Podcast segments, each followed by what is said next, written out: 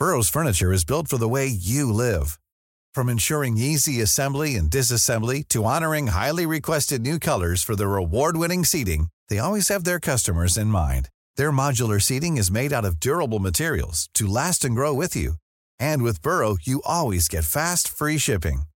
Get up to 60% off during Burrow's Memorial Day sale at burrow.com slash ACAST. That's burrow.com slash ACAST. burrow.com slash ACAST.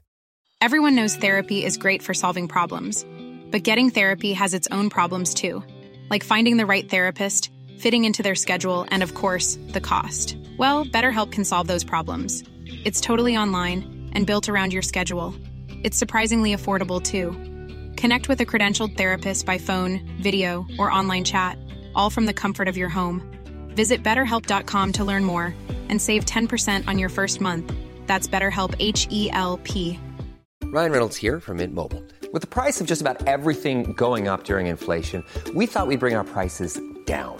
So to help us, we brought in a reverse auctioneer, which is apparently a thing. Mint Mobile unlimited premium wireless. Ready to get 30, 30, bit to get 30, bit to get 20, 20, 20, bit to get 20, 20, bit to get 15, 15, 15, 15 just 15 bucks a month. So, Give it a try at mintmobile.com slash switch. $45 upfront for three months plus taxes and fees. Promo rate for new customers for limited time. Unlimited more than 40 gigabytes per month. Slows. Full terms at mintmobile.com.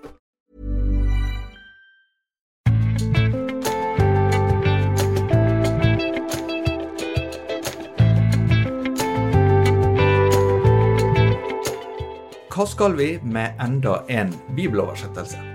Dette er Tore og Tarjei, en podkast fra dagen.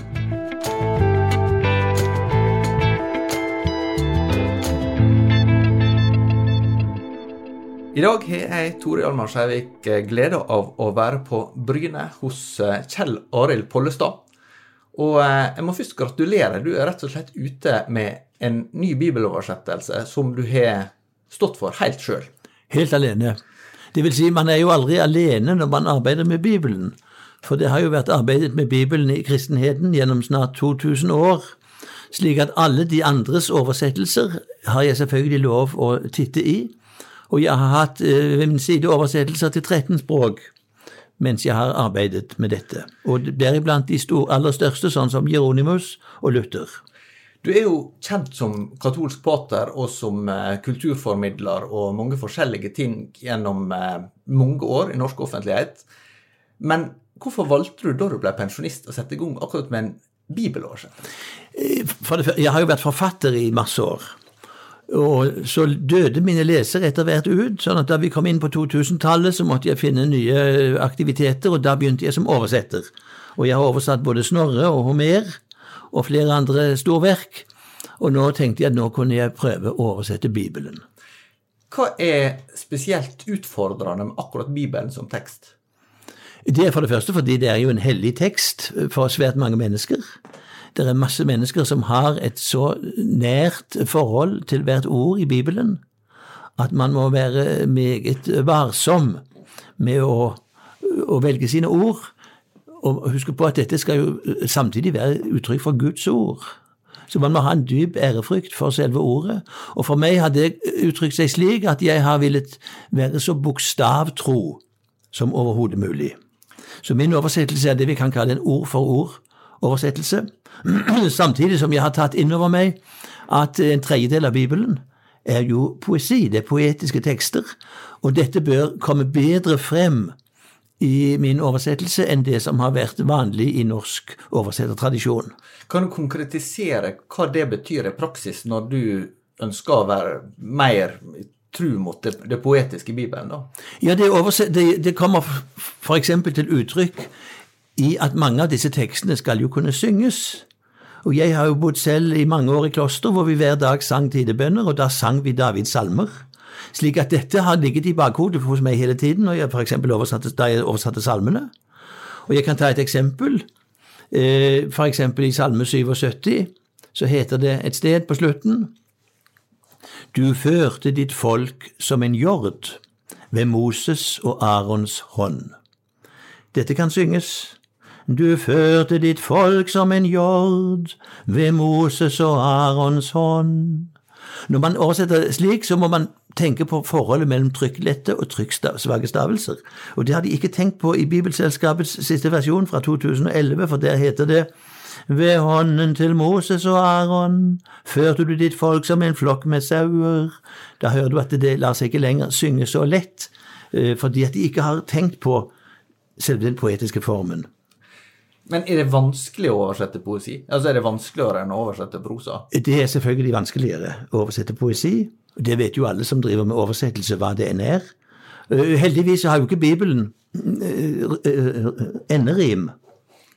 Det har en del bokstavrim. Og så er det en ting til som er meget viktig når man oversetter Bibelen. Det er at man må huske på at dette er jo ikke én bok, det er et bibliotek med en masse forskjellige sjangere.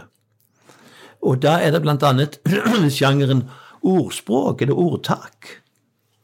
Og du har jo hele Salomos ordspråk, for eksempel. Det hadde jeg mye moro av å oversette. Og Da gjelder det å komme så nær ordtaksformelen som mulig. Og så har vi altså et ordtak i 2. Peters brev som er fem ord på gresk, men som Bibelselskapet har brukt elleve ord på å oversette. Og der heter det da ikke før er grisen vasket, så velter den seg i søla. Dette klinger jo ikke som et ordtak. Og dessuten er det altfor mange ord. Elleve ord fra fem. Og dessuten er det feil, for det er ikke grisen det handler om. Men i moderne bibeloversettelser så liker man ikke alltid å ha, ha, uttrykk for kjønn, så her har man altså fortrengt eller undertrykket at det, det dreier seg altså om en, en, kvinnelig gris. Og da har vi på norsk to ord, purke eller sugge. Men i og med at dette skal ende i søla, så er sugge å foretrekke, for i ordtak er det kanskje uh, fint å ha noen såkalte bokstavrim, dvs. Si ord som begynner på samme bokstav. Så dermed heter dette hos meg med seks ord Nyvasket sugge velter seg i søla. Da klinger det som et ordtak. Og jeg sparer fem år. Ja, og, og det nevnte du at eh, du har vært opptatt av å ha en eh, god språkøkonomi. Ja, min, min, oversettelse er litt over 750 000 ord. Og det er langt færre enn det jeg tror de har i Bibelselskapet. For de ofte forklarer tekster istedenfor bare å oversette. Dette arbeidet sa du at du brukte fem år på. Ja. Eh, var det omtrent som forventa? Nei, det var bedre enn forventet, fordi at jeg hadde jo pandemien. Hvor alle mine øvrige eh, aktiviteter var avlyst.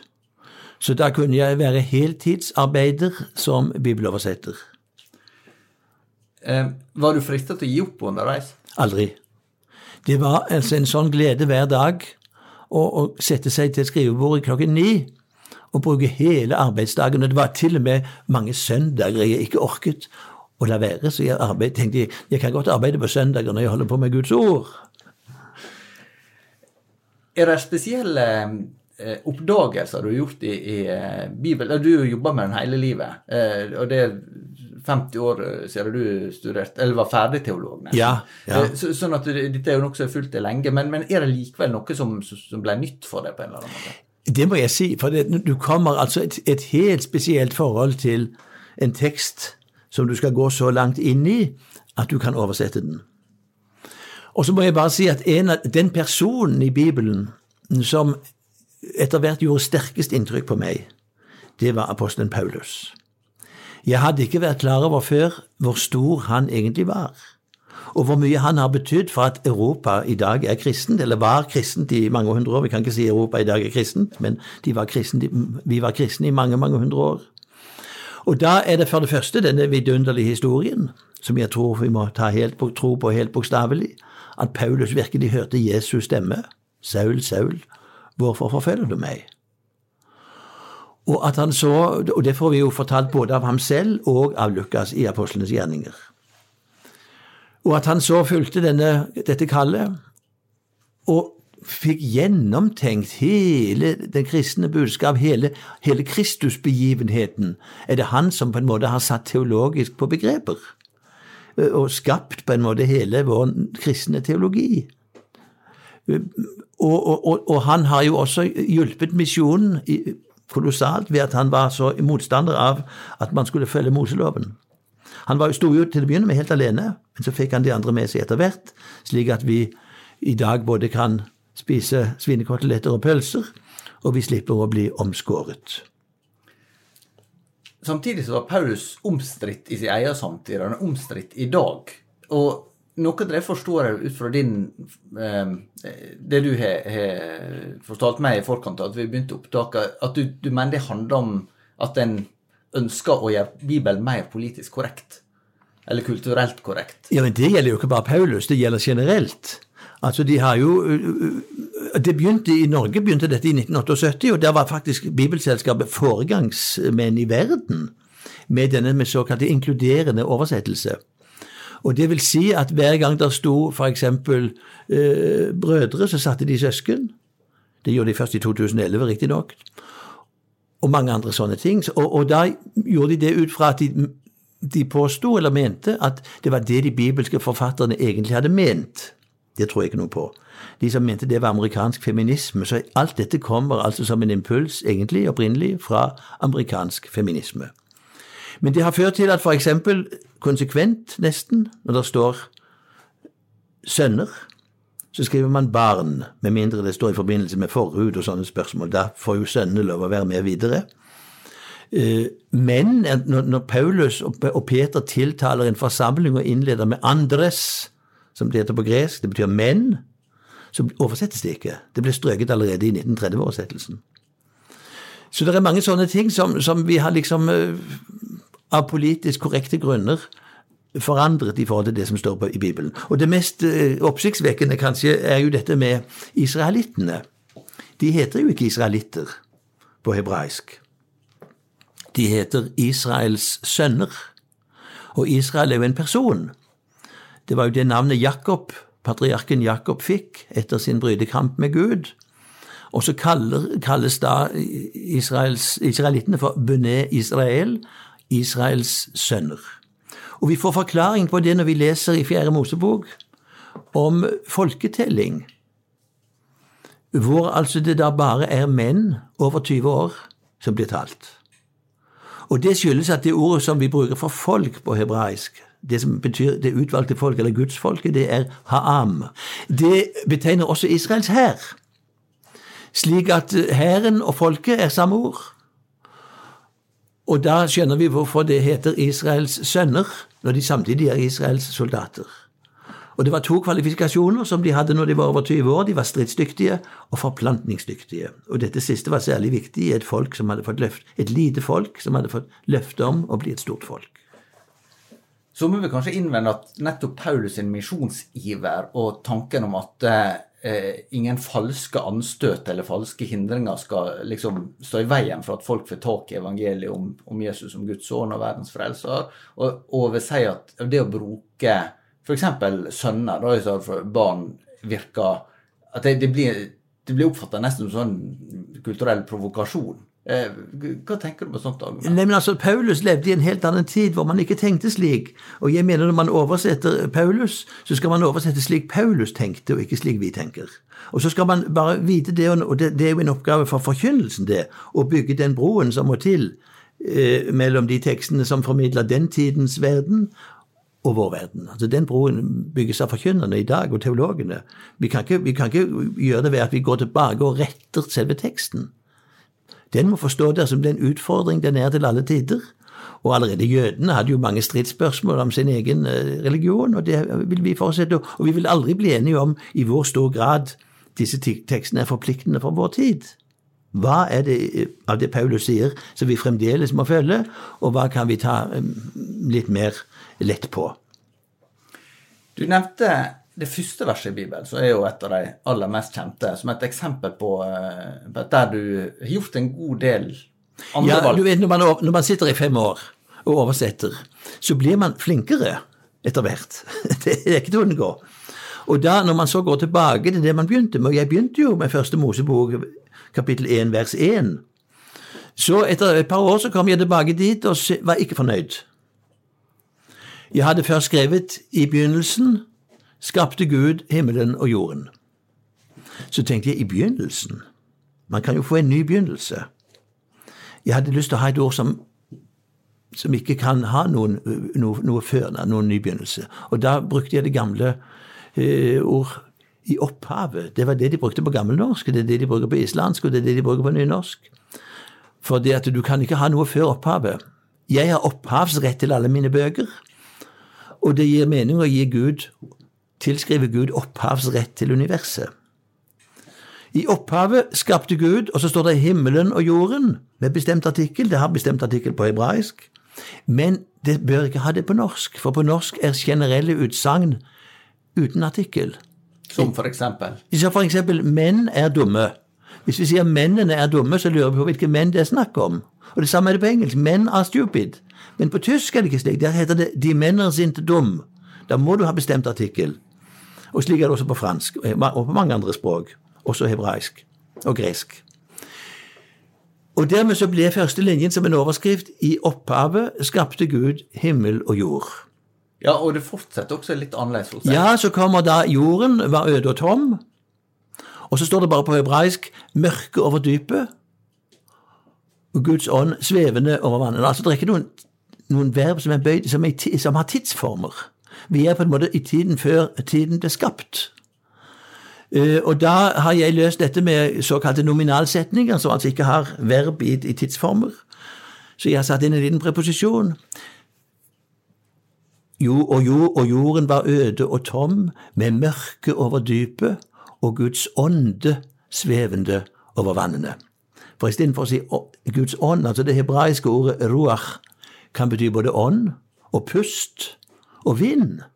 Jeg husker vi lo i 1968, nei, 1978 i ungdommen da de hadde oversatt med 'En vind fra, glu, fra Gud svevde over vannene'. Men her har jeg slått sammen pust og ånd til ånde. Og det syns jeg blir svært vakkert når dere tenker oss det hele med mørke over dypet og Guds ånde svevende over vannene.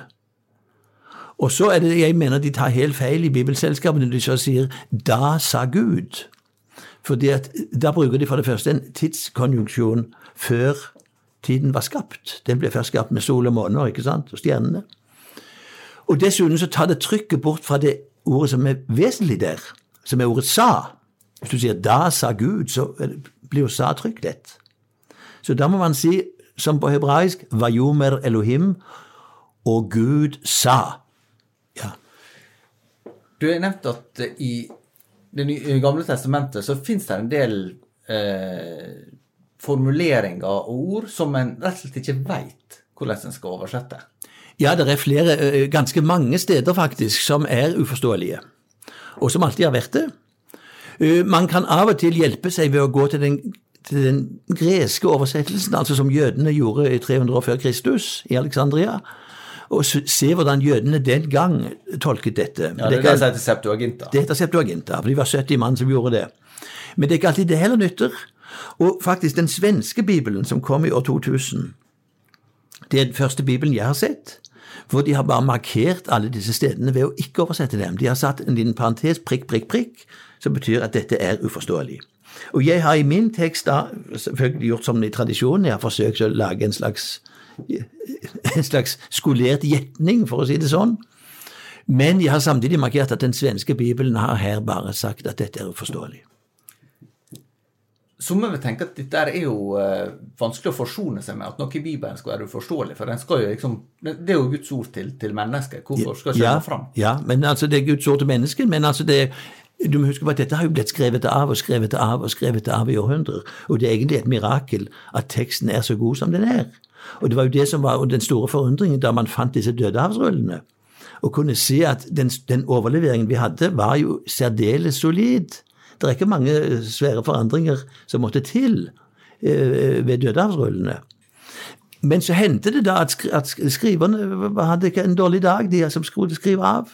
Og for eksempel en sånn ting som at på hebraisk så ser r-en og d-en nesten like ut. Så kan de ofte kan de ha øh, skrevet feil der, og mange sånne små ting som gjør at teksten etter hvert kan bli uforståelig. Første Mosebok er jo øh, en veldig spesiell og veldig viktig tekst. Hvordan har du opplevd å oversette den? Ja, Den syns jeg nesten er I Det gamle testamentet det er den jeg setter aller høyest.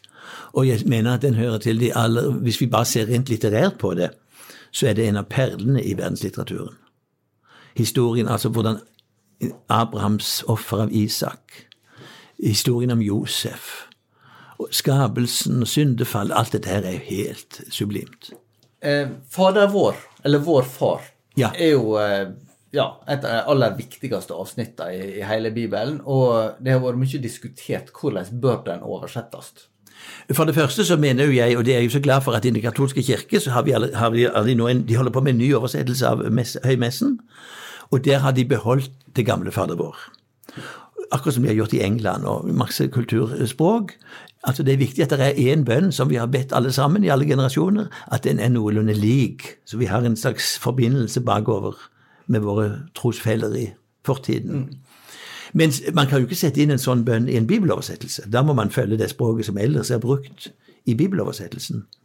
Så hos meg lyder det Vår Far, du som er i himmelen. Og så er det dette med, med konjunktiv, altså denne, disse verbalformene som brukes. Helliget, vorde, komme, skje osv. De eh, vil man ikke lenger eh, i grunnen ikke, ikke lenger bruker. De brukes på norsk kun ett sted, og det er i banningen. Man sier altså 'fanden ta deg', og det, dette 'ta' er konjunktiv. Eh, hvis man sier 'la fanden ta deg', så punkterer i grunnen hele, hele banningen. Men det samme gjør bønnen. Når man sier 'la ditt rike komme', så sier man egentlig ikke, at, at til Gud 'legg ikke hindringer i veien for at ditt rike skal komme'. Jeg husker Lars Roar Langslett var opptatt av dette. Han kalte det nye fadder vår for Lalla-versjonen. Ja, Den gamle Høyre-statsråden. Ja, gamle kulturministeren. Og han, eh, han hadde et godt eksempel. Han sa når vi sier 'leve kongen', så ønsker vi kongen all mulig fremgang og all mulig kraft og styrke og etc.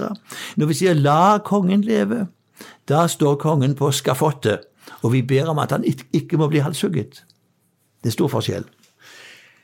Så jeg, jeg kan ikke, altså Vorde kan man ikke bruke lenger. Det er dødt, dessverre. Men man kan ikke la Bibelen bli et språkmuseum heller. Men så da har jeg fulgt sånn som de gjør det på engelsk. Hallowed be thy name. Altså jeg tar konjunktiv av være isteden. Og da blir det, du som er i himmelen, helliget være ditt navn, komme ditt rike, skje din vilje som i himmelen så på jorden. Gi oss i dag vårt daglige brød, og tilgi oss, her følger jeg moderne, tilgi oss vår skyld, som vi òg tilgir våre skyldnere. Og led oss ikke inn i fristelse, for det, det, det la oss ikke komme i fristelse, det, det har ikke noe grunnlag i teksten. Men så har jeg også, også for det, så sier, Man sier at man refererer til Jakobs brev 'Gud frister ingen', sier man. Men det er ikke sant. Hvis man går frem til kapittel 4 hos Matteus, så står det der at, da, at, at Gud at da ble, altså, da ble Jesus av Den hellige ånd ført ut i ørkenen for å bli fristet av djevelen. For å bli fristet. Og Den hellige ånd er jo Gud. Så da førte altså Gud Jesus ut i ørkenen for at han skulle bli fristet av djevelen. Han førte Jesus ut i fristelse. Og, det, og jeg tror det er det vi blir bedt om å bli spart for. Og Derfor har jeg også oversatt 'fra det onde' med 'fra den onde', for på gresk kan det bety begge deler. Og Da får man altså den tilknytningen at når fristeren som fristet Jesus også nevnes der eksplisitt, så blir sammenhengen mer tydelig. Så jeg sier da led oss ikke inn i fristelse, men frels oss fra den onde. Men du beholder fortsatt Vår Far som tittel på bønna? eh, Ja, ja vår far. Ja. Vår far. Så du sier ikke Fader vår? Nei, nei Fader vår går det ikke an å si på, på, på dagens norsk, altså. Nei. Et annet begrep som har vært mye diskutert, iallfall med tidligere bibeloversettelser, det er jo det som før het kjød. Eh, en kan eh, bruke det litt sånn karikert når en snakker om kjødets lyst i dag, kanskje. Men i dagligtale er det jo ikke levende, og derfor har en prøvd seg med andre versjoner. Ja. Som menneskenaturen eller, eller Alt mulig, alt mulig sånn, ja. Du gjør et an- annet Jeg sier det som står. For kjød, da det ble lansert på 1600-tallet på dansk, i bibeloversettelsen til dansk, så var jo kjød det samme som man kjøpte i butikken. Det var noe, det var ikke to ord for kjød, et åndelig og et, eh, et kjødelig, for å si det sånn. Så det er kjøtt. Ordet ble kjøtt og tok bolig iblant oss. Og det skal Bibelselskapet også nå gå over til å si. Og vi er kjøtt. Men, og, men, men adjektivet av kjøtt er jo fremdeles kjødelig. Kjødelig, ja. Du har sagt at denne oversettelsen den skal være forståelig for de som leser. Eh, Og som vil jo si eh, Ja, men problemet i vår tid er jo ikke mangel på bibeloversettelse, det er jo mangel på bibellesing. Det er helt riktig. ja. Og det, jeg tror dessverre at vi er i nå i en tid hvor de som leser Bibelen, eh, altså de som leser Bibelen for å finne næring til sin tro, de vil bli færre. Men det vi kan håpe på, er at de som leser Bibelen for å finne opplysning om sine kulturelle røtter, og, og, og, hva, hva den europeiske sivilisasjonen egentlig eh, går ut på, de vil bli flere, håper jeg. Slik at mange vil lese Bibelen mer som et litterært eh, dokument for, som, som vi leser andre tekster, altså. Hva tenker du sånn sett at, at din oversettelse kan, kan bidra med den refleksjonen over hva Bibelen er, og hva den betyr? Altså, jeg har gjort dette av to grunner. Jeg vil for det første at dagens bibellesere skal bli, bli spart for alle disse politisk korrekte justeringene av den gamle teksten. Jeg vil at vår bibel også skal vise det samfunnet og den, eh, de seder og skikker og alt, alt som var på Jesu tid og på patriarkenes tid osv. videre og videre. Ikke alle disse politisk korrekte omformingene. Det er det ene, så derfor har jeg oversatt ord for ord. Og det andre er at man jeg har villet få frem mye mer Bibelens poetiske kvaliteter. En tredjedel av Bibelen er jo poesi. Og som jeg da eh, eksemplifiserte ved disse sangbare eksemplene, ikke sant? Hvor viktig det også er. Hva har det gjort med ditt eget forhold til Bibelen å jobbe så mye med den så lenge? Det har selvfølgelig fordypet kolossalt mitt forhold til Bibelen. Og, og jeg er blitt eh, enda mer glad i den enn jeg noen gang har vært. Og, og, og jeg, altså, man tror etter hvert virkelig at dette er et helt unikt litterært dokument. Det er rett og slett Guds ord. Hvordan er du blitt styrka i trua på det, altså gjennom ditt, ditt arbeid? Nei, fordi det er så, det er så overveldende. Og det er eh, det, det må være inspirert, altså. Det men så er det også en rar ting som vi ikke alltid tenker på. Og det at ordet, Guds ord, når vi sier det, så er jo det selvfølgelig, tenker vi på det skrevne ord. Men før det så er Guds ord selve begivenhetene. Og på hebraisk er det samme ord. Etter disse ordene står der. Og det betyr etter at det, det var skjedd, etter at det var hendt, så videre. Slik at Guds ord er både for det første Guds ord er jo det at Jesus kommer. Jesus er jo Guds ord selv. Og så er det de ordene som vi har om, om dette nedfelt i Bibelen. Ja. Du skal ha lansering rett borti gata her på eh, bedehuset Saron. Jeg har allerede vært og hatt foredrag om min oversettelse på bedehuset Saron. og Vi skal også, når Bibelen har vært lansert på Litteraturhuset i Oslo den 30. oktober, så skal vi eh, like etter ha lansering på bedehuset Saron. Hvordan oppleves det? For at du har hatt ei reise her som Du er født, født og oppvokst på Jæren, og Ja. ble katolikk midt på Ja, 70-tallet. Saron ligger i den bakken jeg gikk opp hver måned jeg skulle på gymnaset. Ja. Ja. Men, men hvordan er det på en måte å komme tilbake? For du, du er jo en kontinental nordmann, må jeg kunne si. Så Nei, det- både i Paris og i, Frankrike, og i Italia, og, og liksom er ja, tilbake igjen til, til egne røtter, egentlig, med Bibelen i, i Svaret på det er meget enkelt og meget jærsk. Det er gildt. Men hvordan opplever du interesser for, for det arbeidet? Eh, eh, Forbausende stor. Forbausende stor interesse. Eh, Og jeg har fått eh, svært gode signaler av dem som har lest litt av det jeg har laget. Jeg har jo hatt folk som har lest under hele tiden underveis. Så jeg har fått masse fine tilbakemeldinger. Ja. Eh, Somme vil kanskje være spørrende til er det mulig å oversette Bibelen som et soloprosjekt, da, og, og gjøre det alene, og, og er det ønskelig? Hva tenker du om, det? Altså, jeg må jo si det at jeg syns jo mange av de beste oversettelsene er enmannsverk. Det gjelder både Luther og Hieronymus, f.eks.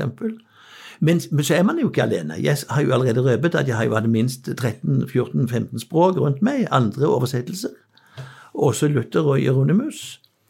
Og jeg må si Luther er jo en helt enestående bibeloversetter. Det har jeg virkelig fått se. Men han er mye mer avhengig av den latinske oversettelsen enn vi til vanlig eh, liker å, å si eller tro. For han, var, han, han fikk masse hjelp av Jeronimus. Ja. Samtidig så er Luther bl.a. kjent for å ha introdusert et nytt begrep. eh, For de som er litt eh, kjent i romerbrevet, så er det et veldig sentralt avsnitt i kapittel tre som handler om dette her, nå er evangeliet åpen, eller Guds rettferdighet åpenbart uten gjerninger. Eh, og så står det i den sammenheng om, om nådestolen, som var et begrep som Luther egentlig fant på eller Ja, utvikla. ja. Det er jo et vanskelig ord. Ja, for, for Det, er det, som det, er det som er, hos Kingo heter det Arke Paulunut.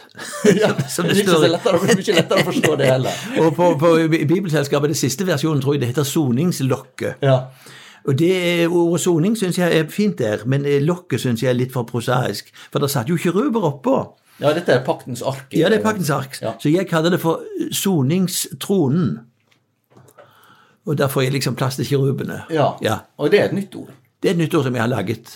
Ja. Er det andre nye ord du eh, liksom konstruert? det.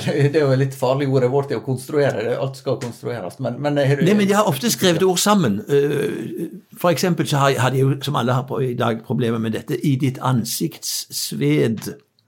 Jeg kjenner mange riksmålsfolk, og jeg kjenner ingen av dem som sveder lenger. Så vi måtte ha svette med. Men jeg syns ikke det Bibelselskapets formulering fra 2011 med svette i ansiktet skal du ete ditt brød. Da høres svette ut nærmest noe som kosmetisk er tatt på etterpå, med svette i ansiktet. Så der har jeg slått sammen ordene. I din ansiktssvette skal du ete ditt brød.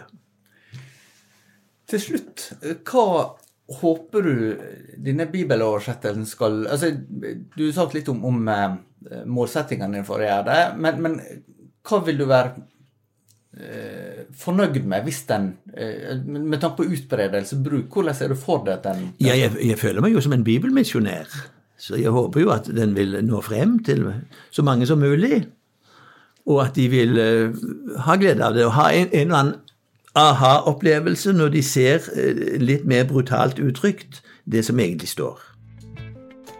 Takk skal du ha, Kjell Arild Pollestad. Og uh, boka den uh, heter altså Bibelen. Den heter Bibelen. og, og den kommer i fire farger. Ja. Den kan fås grønn, gul, rød og fiolett, altså de liturgiske farger. Den trykkes i Nederland. Nettopp. og kan uh, kjøpes forhåpentligvis overalt, og også bestilles direkte fra forlaget. Ja. Takk skal du ha for at du eh, var med i podkasten, og vi er tilbake i neste uke.